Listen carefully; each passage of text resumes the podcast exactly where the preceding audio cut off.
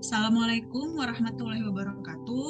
Halo semuanya, kembali lagi bersama kita di MatEd Connect, Connecting People, Ideas, and Opportunities in Mathematics Education.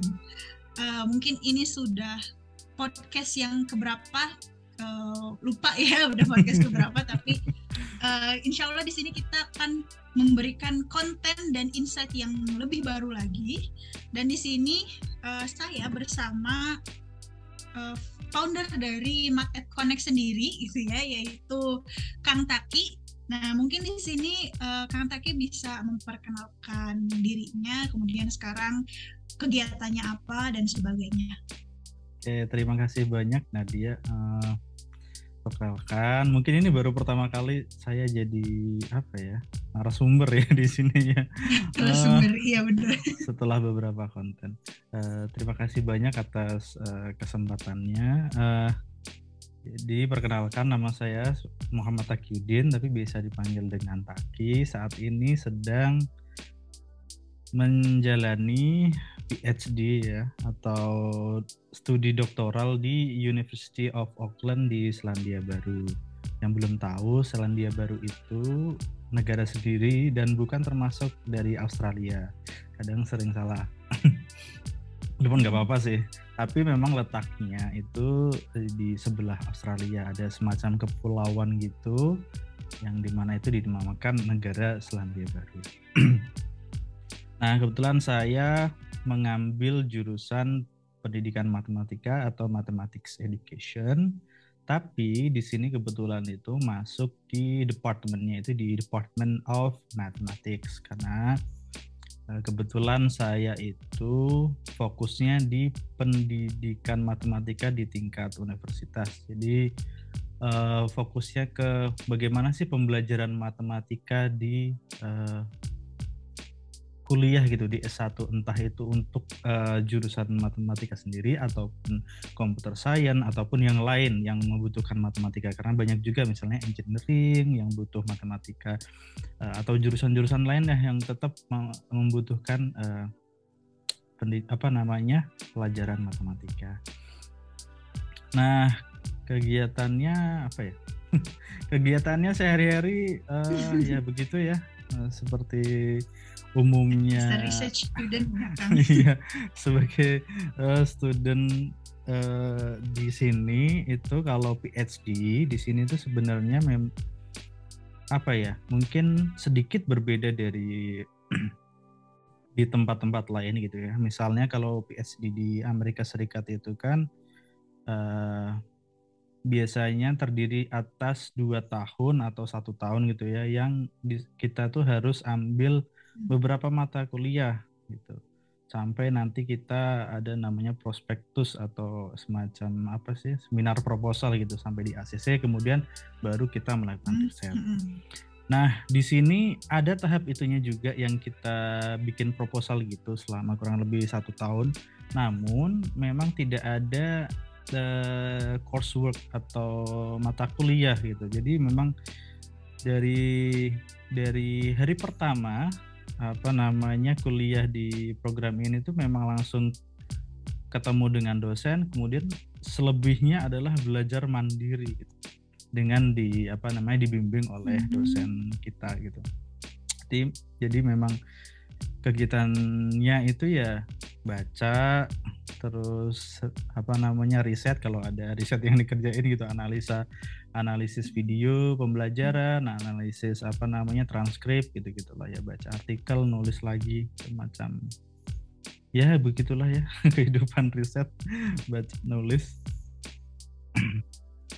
Oke, berarti ini uh, PhD-nya benar-benar research base ya. Jadi dari awal itu sama sekali nggak ada coursework gitu ya. Jadi kita dituntut mandiri aja ya fokus sama penelitian kita. Nah mungkin di sini Kang bedanya gitu ya. Ketika S2 mungkin kita masih secara umum gitu ya. Oke mungkin kita ingin ke pendidikan matematika gitu kan. Tapi ternyata untuk uh, eh, PhD sendiri ini sudah matematika terus fokus lagi gitu kan risetnya ya. Dan Akang di sini yang uh, Nadia simpulkan itu mungkin akan fokus risetnya itu ke matematika untuk uh, mahasiswa gitu ya, mungkin mahasiswa S1 gitu ya. Hmm. Oke. Okay.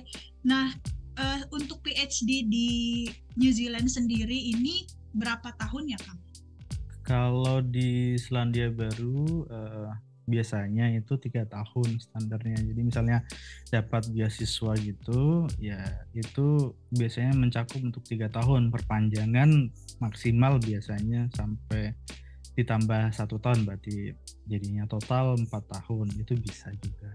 Tapi standarnya tiga tahun. Kalau di beberapa tempat mungkin berbeda ya. Nah, ada yang lima tahun atau empat tahun di hmm. Amerika Serikat di beberapa kampus itu memang standarnya lima tahun gitu ya.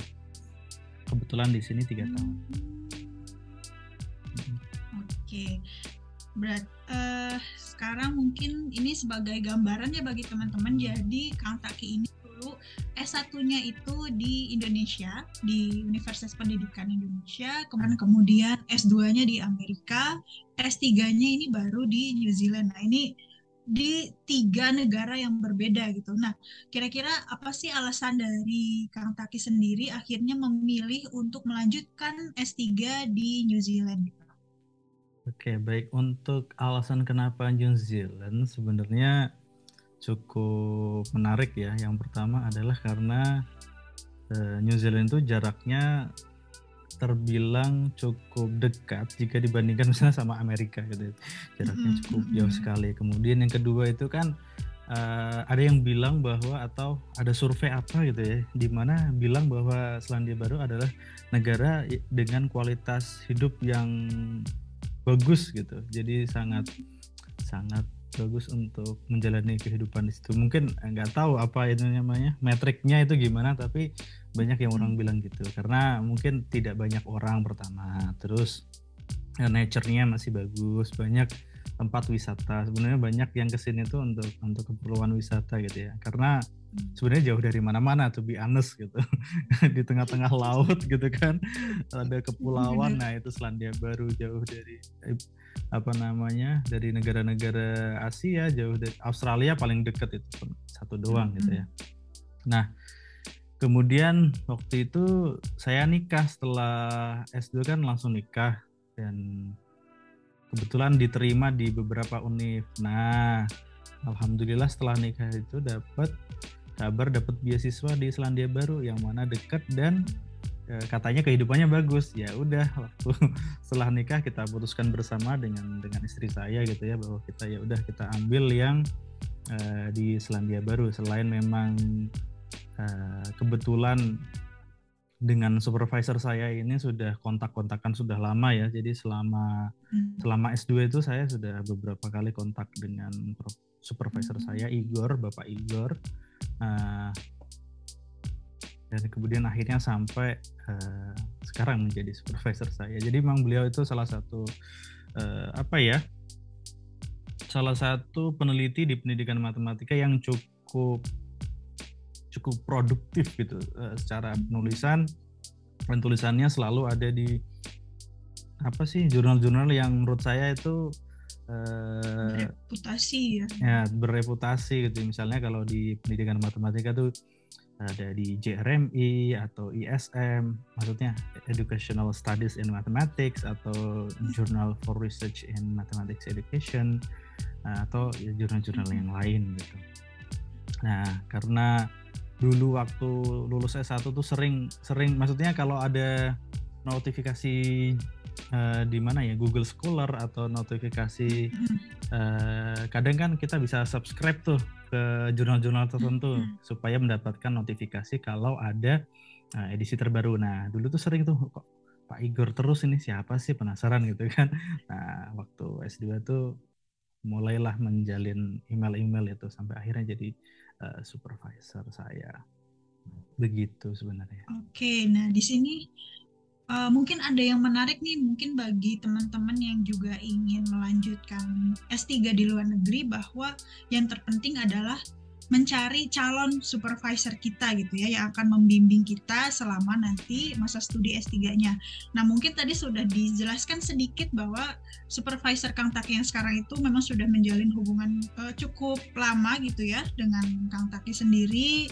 Nah, mungkin kan tadi Kang Taki bilang juga bahwa uh, Kang Taki itu mendaftar tidak hanya di satu universitas saja gitu kan. Artinya kan ada nih supervisor-supervisor lain yang menjadi hmm. pertimbangan dari Kang Taki sendiri. Nah, boleh diceritakan mungkin secara uh, singkat gitu ya bagaimana sih cara cara untuk memilih supervisornya? Uh, ini pertanyaan yang sangat bagus gitu ya. Kan gimana cara memilih supervisor ini uh, salah satu yang sangat krusial ya bagi apa namanya bagi hmm. teman-teman hmm. yang mau mendaftar PhD.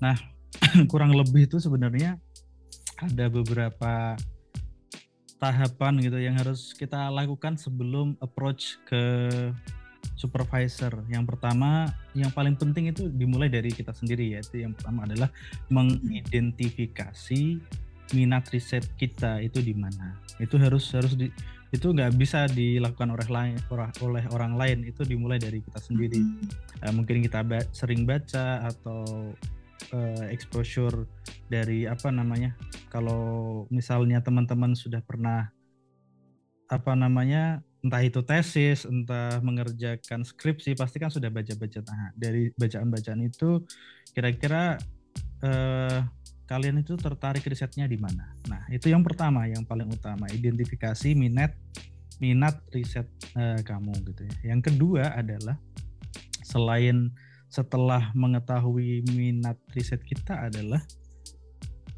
uh, cari kampus atau research center yang di mana itu terkait dengan riset kamu tadi. Nah kalau sudah ketemu, kadang kan ada ya gini ya, ada teman-teman yang nggak ke research center tapi lebih ke univ waduh saya pokoknya pengen hmm. di uh, Utrecht gitu kan Utrecht University misalnya gitu. Atau saya tuh pengennya di Harvard. Ya boleh hmm. gitu. Kita coba dat, uh, kita ulik Harvard di websitenya. Kemudian berarti department apa namanya misalnya ada department of mathematics education misalnya. Kita coba uh, ulik di sana. Kira-kira profesornya itu siapa aja sih? Kemudian risetnya kayak gimana? Nah kita coba cari dari sana Nah, setelah katakanlah dari research center atau universitas tadi hasil browsing-browsing itu kita sudah menemukan oh kayaknya ini sekilas gitu ya. Tadi bacanya kan belum detail, pokoknya masih apa kayak sekilas-sekilas aja gitu ya. Oh kayaknya iya, sekilas nih profesor uh, Nadia katakanlah ya Profesor Nadia ini Aduh. risetnya sesuai gitu dengan dengan dengan ketertarikan aku di pendidikan bidang uh, pendidikan matematika gitu. Misalnya tentang uh, didaktik gitu teori didaktis gitu hmm. misalnya ya. Nah setelah itu kita harus pelajari uh, profesor itu tuh uh, risetnya kayak gimana. Kadang ada profesor yang punya website sendiri kita bisa ke sana. Atau kalau enggak ya kita pelajari dari publikasi-publikasi beliau, artikel-artikel yang sudah terbit. Kita coba pelajari trennya itu kayak gimana sih, ketertarikannya di mana. Nah, nah dari situ kira-kira gimana? Apakah kita langsung email ke beliau? Nah langsung... itu, nah. mungkin itu pertanyaannya ya kan, apakah kita langsung mengontak beliau gitu ya. Halo uh, Prof, nama saya ini ini ini, saya tertarik untuk belajar dengan Prof atau baiknya seperti apa gitu berdasarkan mm. dari pengalaman akan. Nah, itu juga sebenarnya bisa dilakukan, tapi uh, kesempatan untuk dibalas itu sangat rendah gitu. Jadi walaupun tadi disclaimer ya ini bahwa ada faktor namanya lucky atau keberuntungan yang uh, kita nggak bisa tahu, tapi kalau uh, belajar dari beberapa orang yang sudah melakukan gitu ya. Kalau cara Anda seperti itu, maksudnya cuma dengan ketertarikan aja terus bilang bla bla bla saya pengen uh, uh, misalnya pengen jadi murid uh, Profesor Nadia gitu katakanlah ya. Itu sangat sangat kecil sih kemungkinannya. Nah, caranya gimana? Gitu. Nah, salah satunya mungkin ada beberapa ini dari beberapa teman saya gitu dari pengalaman pribadi saya dan beberapa teman saya. Mungkin salah satunya adalah eh, tadi setelah dipelajari itu kita kadang kalau kita belajar secara kritis ya kita akan muncul beberapa pertanyaan gitu kan. Mungkin Nadia punya pertanyaan eh, A B C D terkait eh, riset beliau. Nah itu juga bisa sebagai pembuka pembicaraan. Atau ada beberapa orang yang eh, ini eh, kepo-kepoin dulu beliau. Kadang ada Eh, beberapa profesor yang aktif di Twitter gitu biasanya atau di entah platform apalah Facebook gitu ya, bisa aja. Gitu. Nah biasanya kadang mereka tuh sharing tentang riset mereka entah di apa namanya di platform media sosial ataupun di platform yang uh, lebih serius seperti seminar, uh, conference itu juga bisa gitu. Nah kita sebagai orang yang belum kenal ya manfaatkanlah itu ya apa namanya hmm. platform-platform tersebut baik resmi baik pun uh, itu resmi maupun yang tadi semacam media sosial kadang ada beberapa orang yang sangat terbuka gitu ya profesor yang sangat hmm. terbuka uh, di media sosial manfaatkanlah itu untuk bertanya-tanya untuk engage dengan beliau nah sehingga apa ketika nanti kalian email itu nggak kagok gitu udah ada uh, istilahnya kita bisa bilang gini nih saya tuh yang sering nanya di Twitter saya yang beberapa kali hmm, ikut hmm, hmm. konferensinya profesor gitu di event ini ini ini ini gitu. Nah itu highly likely kamu bakal dibales gitu ya emailnya gitu. Nah kalau pengalaman saya sendiri mungkin saya bisa dibilang yang termasuk yang beruntung sebenarnya kalau boleh jujur ya kalau pengalaman saya kan tadi ada tiga kasus ya. Yang pertama di eh maksudnya belum belum saya ceritakan ya ternyata.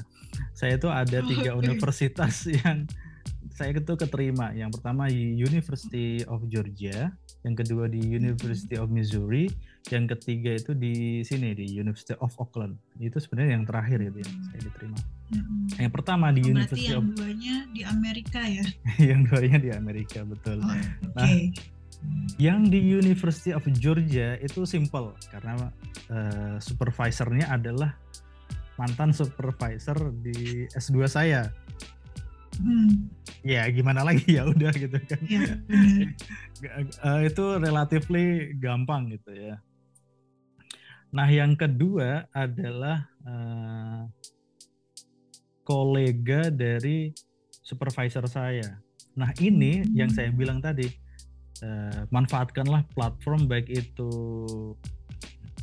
yang sifatnya resmi ataupun enggak yang maksudnya kayak media sosial. Nah kebetulan yang kedua ini sebenarnya jujur ya itu dari media sosial.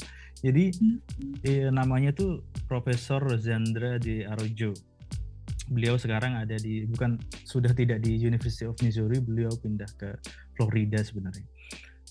Pada saat itu beliau tuh memang lagi dapat funding gitu ya dari dari dari pemerintah Amerika Serikat. Kebetulan butuh mahasiswa S3 lalu diposting lah ke Twitter. Kemudian ya udah saya itu komen-komen di Twitter gitu ya. Dulu habis itu baru ke masuk ke uh, email yang ini uh, saya tuh tertarik dengan uh, riset Anda kemudian pengen melakukan bla bla bla bla bla bla gitu dengan ya juga tentunya dengan menyertakan ini ya proposal riset ya. ini kurang mm-hmm. lebih mm-hmm. walaupun belum sempurna tapi setidaknya tuh ada ide outline-nya tuh udah udah jelas gitu. Nah, itu yang saya lakukan. Nah, kalau yang ketiga ini tuh jujur itu bener-bener hoki ya kalau saya bilang. Jadi profesor apa namanya yang Igor ini itu tuh walaupun saya ngubungnya sudah sejak lama, tapi ngubunginnya itu memang apa ya? Ya belum kenal sebelumnya, benar-benar belum kenal dan saya cuma saya bilang tertarik dengan riset beliau. Kemudian kalau mau jadi uh, mahasiswa PhD-nya gimana? Kebetulan beliau memang wah baik banget gitu dan dibalas gitu ya. Dan selalu kalau balas itu super cepat gitu ya. super kilat. sangat sangat aktif gitu beliau. Nah, kalau itu saya nggak bisa ngasih saran gimana caranya tahu kalau yeah. Uh, pro, sub, uh, profesornya itu cepat balasnya ya nggak tahu. Kebetulan aja uh, Profesor Igor ini sangat beliau sangat baik dan uh, sangat cepat balasnya dan kebetulan memang riset kita se sejalan waktu itu dan kebetulan juga saya uh, apa namanya dibantu oleh dia gitu mendapatkan uh, scholarship jadi saya tuh nggak ngapa-ngapain daftar pun tidak hmm. uang keluar uang spesial pun kemudian tiba-tiba dapat scholarship yang ngurus itu semua uh, uh, apa namanya supervisor saya jadi saya sangat uh, beruntung sebenarnya ya tapi memang ini salah satu bagi teman-teman yang ingin kuliah di. University of Auckland sebenarnya kesempatan beasiswa itu sangat terbuka banget terutama ketika teman-teman S2-nya itu nilai atau IPK-nya tinggi. Jadi hmm. kalau jadi ada namanya beasiswa itu UOA Doctoral Scholarship. Nah beasiswanya itu tiga tahun gitu ya ditanggung. Nah kalau teman-teman lulusan dari New Zealand dan nilainya itu A semua, otomatis tan begitu keterima langsung dapat beasiswa tanpa melakukan apa pun. Uh, langsung langsung dapat itu. Kalau teman-teman lulusan dari luar New Zealand nanti nilainya harus dikonvert dengan sistem New Zealand. Kebetulan saya hmm. waktu itu kebetulan S2-nya lumayan rajin gitu dan IPK-nya 4 dan itu sebenarnya adalah kunci sebenarnya untuk mendapatkan beasiswa hmm. yang sekarang di, di apa namanya UOA Doctoral Scholarship itu dari dari uh, IPK tinggi. Nah, mungkin ada yang bilang IPK nggak usah tinggi-tinggi nanti uh, ya begitu penting. Nah ternyata ada pentingnya juga salah satunya adalah beasiswa ini, hmm. beasiswa itu. Nah, okay. itulah kurang lebih. Berarti ceritanya banyak ya uh, cara untuk kita bisa menghubungi calon supervisor di sana hmm. dan mungkin tadi ada beberapa poin penting gitu ya kalau misalkan kita memang berniat untuk menjadi mahasiswa beliau itu jangan langsung kita mengutarakan saya ingin belajar gitu dengan hmm, beliau hmm, hmm. gitu apakah ada beasiswa segala macam ibaratkan kalau kita ingin uh, apa ya ibaratnya sama seperti ketika kita ingin berkenalan gitu ya sama orang. Jadi kita kenalan dulu gitu. Jangan tiba-tiba saya mau ngelamar kamu gitu ibaratnya kan. Ujuk-ujuk. Walaupun itu bisa ya sebenarnya kan. Iya benar. tapi kita harus benar, ekspektasinya benar. harus rendah banget gitu. Nothing tulus. Kalau ah, tiba-tiba ditolak ya jangan jangan dimasukkan ke hati. Iya oke. Okay. nah tadi kan ini tentang uh, ada kesempatan beasiswa PhD gitu ya untuk di University of, of Auckland sendiri. Nah misalkan nih kan apakah ada dari misalnya dari teman-teman di sini yang sudah hmm. S3 di Indonesia kemudian tertarik gitu ingin berkolaborasi gitu ya secara meneliti gitu dengan profesor-profesor yang ada di Universitas uh, Auckland ini gitu apakah terbuka kesempatan itu atau atau misalkan uh, prosesnya seperti apa dan apakah ada juga beasiswanya gitu yang namanya research fellowship mungkin ya kalau yang di sini disebutnya. Menarik banget. Nah, ini mungkin karena saya masih baru juga di sini ya. Untuk saat hmm. ini belum bisa menjawab terlalu banyak tentang uh, entah itu research fellowship atau uh, bekerja sama dengan profesor untuk riset secara serius ya, bukan uh, hmm. bukan sekedar kayak oh saya punya karena beda menurut saya. Pertama misalnya kalau kita kita punya riset udah udah berjalan nih, terus kita minta minta hmm. bimbingan beliau sama bener-bener riset kolaborasi gitu ya. Menurut saya beda hmm. dan uh, saya belum begitu banyak insight kalau kalau kasusnya itu yang kedua. Kalau yang pertama ya tadi hmm. ya cara-caranya ya maksudnya emailnya itu jangan tiba-tiba dan terlalu generik. Nah, nanti mungkin bisa dibahas tuh apa namanya kira-kira email profesor itu kayak gimana sih supaya uh, bisa dibalas gitu dan dan ditanggapi dengan baik gitu. Nah, berarti ya, nah kira-kira gimana tuh gitu kan caranya supaya email kita itu uh, bisa diterima dengan baik untuk menginisiasi tadi misalnya mau, mau kolaborasi riset. Paling enggak yang pertama adalah emailnya jangan generik. Karena kenapa? Karena profesor itu banyak mendapatkan email. Bukan hanya dari kamu gitu ya. Email entah yang itu sifatnya administratif atau ketertarikan yang sama seperti kamu yang ingin apa namanya hmm. ingin jadi apa namanya muridnya itu juga banyak bukan cuma kamu gitu jadi hmm. jangan sebenarnya itu jangan generik jangan cuma say hi terus uh, hmm. saya tahu profesor uh, itu uh, punya spesialisasi di bidang ini jadi saya juga tertarik dan kemudian mengutarakan itu menurut saya kurang bagus jadi itu yang pertama jangan generik yang kedua adalah tipsnya jangan bertanya pertanyaan yang sebenarnya bisa dicari di web, di website gitu. Jadi misalnya pertanyaan pertanyaan general gitu teori teori didaktis itu apa sih prof? Gitu misalnya gitu kan. Itu terlalu generik gitu jangan gitu. Iya, kalau misalnya detail lebih masuk ke metodologinya atau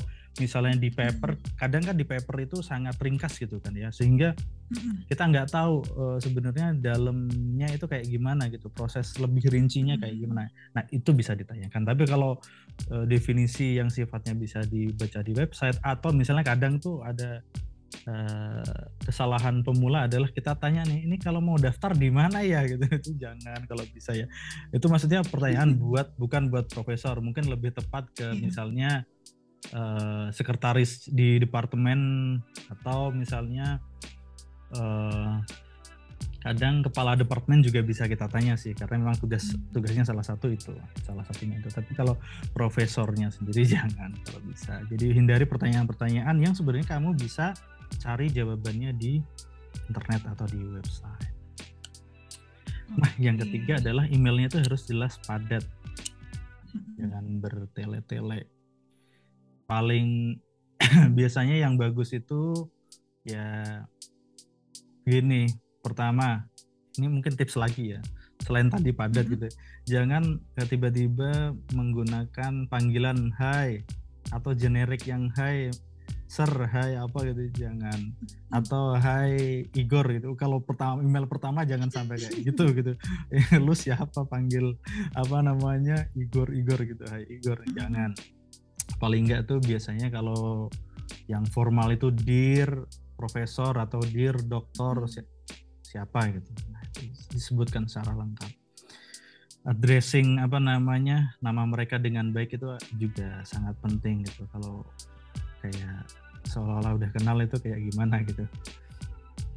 Mungkin itu sih kalau struktur struktur emailnya ya kurang lebih bisa kita bagi menjadi apa ya beberapa hal. Yang pertama itu ada tentang pengenalan diri kita jangan tapi jangan terlalu dalam gitu ya. Hmm. disebutkan apa namanya misalnya prestasinya apa kadang itu profesor nggak tertarik sama nggak peduli sama, iya, sama apa namanya prestasi anda misalnya oh saya pernah juara di Indonesia juara apa juara apa nggak perlu hmm. gitu karena nggak akan dibaca juga nggak peduli gitu Oke. Okay.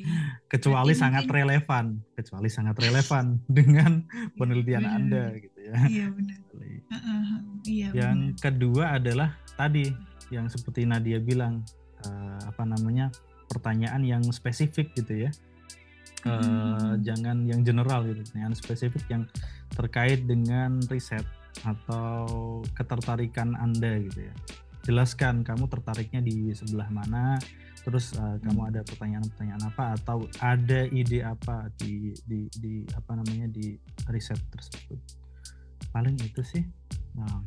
oke berarti ini sangat uh, insightful sekali gitu ya. Karena mungkin dari teman-teman di sini mungkin sudah banyak uh, mengetahui bagaimana cara meng-email profesor dari luar negeri. Tapi mungkin secara detail itu yang tadi ya trip and triknya apa yang sebaiknya dihindari agar uh, kita memiliki chances yang besar gitu untuk dibalas sama profesornya. Itu mungkin teman-teman bisa nonton video ini dan teman-teman dapatkan nih alhamdulillah dari uh, Kang Taki sendiri gitu yang merupakan uh, mahasiswa S3 di University of Auckland dan juga sudah berpengalaman gitu mengemail profesor-profesornya.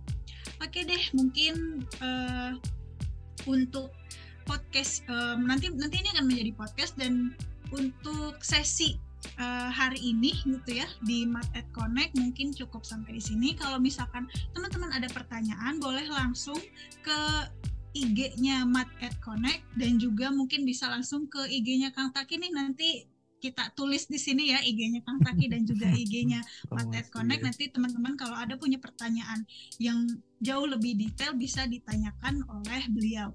Oke, mungkin teman-teman sekian uh, dalam episode kali ini. Sampai bertemu lagi di episode selanjutnya. Assalamualaikum warahmatullahi wabarakatuh. Waalaikumsalam warahmatullahi wabarakatuh.